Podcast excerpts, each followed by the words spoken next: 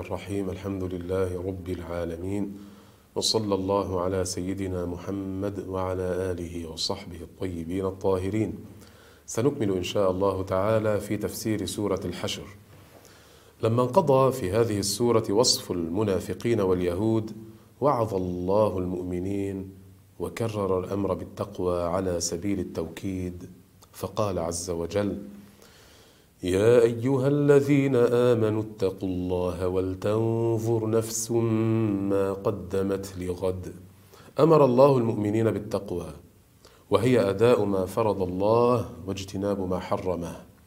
ومعنى ولتنظر نفس ما قدمت لغد أي لينظر المرء ما يعد ويقدم لآخرته من العمل الصالح.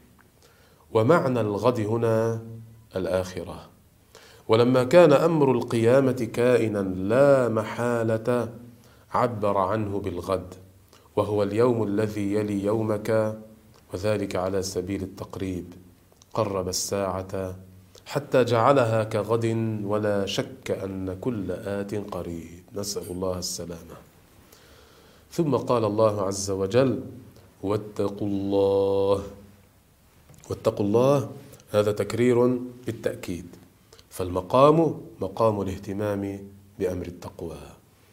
إن الله خبير بما تعملون. إن الله خبير بما تعملون من خير أو شر. لا يخفى عليه منها شيء فهو مجازيكم عليها سبحانه وتعالى. ثم قال الله عز وجل ولا تكونوا كالذين نسوا الله فأنساهم أنفسهم. لا تكونوا كالذين نسوا الله. أي لا تكونوا كالذين تركوا أمر الله. النسيان كما يكون بمعنى عدم الحفظ والذكر يكون أيضا بمعنى الترك ومنه الآية. فمعنى ولا تكونوا كالذين نسوا الله أي لا تكونوا كالذين تركوا أمر الله. وهذا إشارة إلى فرط غفلتهم واتباع شهواتهم. ماذا قال الله عز وجل؟ فأنساهم أنفسهم حيث لم يسعوا إليها في الخلاص من العذاب. أنساهم الله أنفسهم أن يقدموا لها خيرا. وهذا فيه رد على المعتزلة وهم القدرية. الذين يقولون إن العبد إذا ضل على زعمهم يقولون إن العبد إذا ضل إنما يضل بنفسه لا دخل لمشيئة الله تعالى في ذلك والعياذ بالله. والله عز وجل يقول وما تشاءون إلا أن يشاء الله رب العالمين. وهنا في هذه الآية ماذا قال الله عز وجل؟ ولا تكونوا كالذين نسوا الله فأنساهم أنفسهم. الله عز وجل أنساهم أنفسهم أن يقدموا لها خيرا فلم يقدموا لها خيرا. فمن الذي قدر لهم ذلك؟ ومن الذي شاء لهم ذلك؟ الله سبحانه وتعالى الذي لا يسأل عما يفعل. ثم قال الله عز وجل أولئك هم الفاسقون أي الخارجون عن طاعة الله إلى معصيته.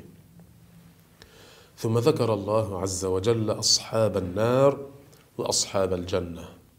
فقال سبحانه وتعالى لا يستوي أصحاب النار وأصحاب الجنة. أصحاب النار هم الكفار الذين أعرضوا عن الإيمان بالله تعالى ورسوله. أصحاب الجنة هم المؤمنون هم المؤمنون بالله وبما جاء عن الله. لا يستوي أصحاب النار وأصحاب الجنة. لا يستوي الكفار والمسلمون. أصحاب الجنة هم الفائزون. أصحاب الجنة هم الفائزون بالنعيم المقيم الذي لا ينقطع. ثم قال الله عز وجل لو أنزلنا هذا القرآن على جبل لرأيته خاشعا متصدعا من خشية الله. أخبر الله بهذا عن تعظيم القرآن الكريم. وأنه لو جعل في جبل على قساوته وصلابته لو جعل في جبل تمييزا كما جعل في بني آدم ثم أنزل على هذا الجبل القرآن. لرأيت الجبل خاشعا متطأطئا خاضعا ذليلا متصدعا متشققا من خشية الله. خوفا أن لا يؤدي حق الله في تعظيم القرآن. وهذا تنبيه على قساوة القلب لهؤلاء الكفار وغلظ أطباعهم. ثم قال الله عز وجل وتلك الأمثال نضربها للناس لعلهم يتفكرون. تلك الأمثال المذكورة في هذه السورة وفي سائر القرآن يضربها الله للناس ليتفكروا فيها فينيبوا وينقادوا للحق. وفقني الله وإياكم إلى ما يحب ويرضى. والله سبحانه وتعالى أعلم وأحكم. Mm-hmm.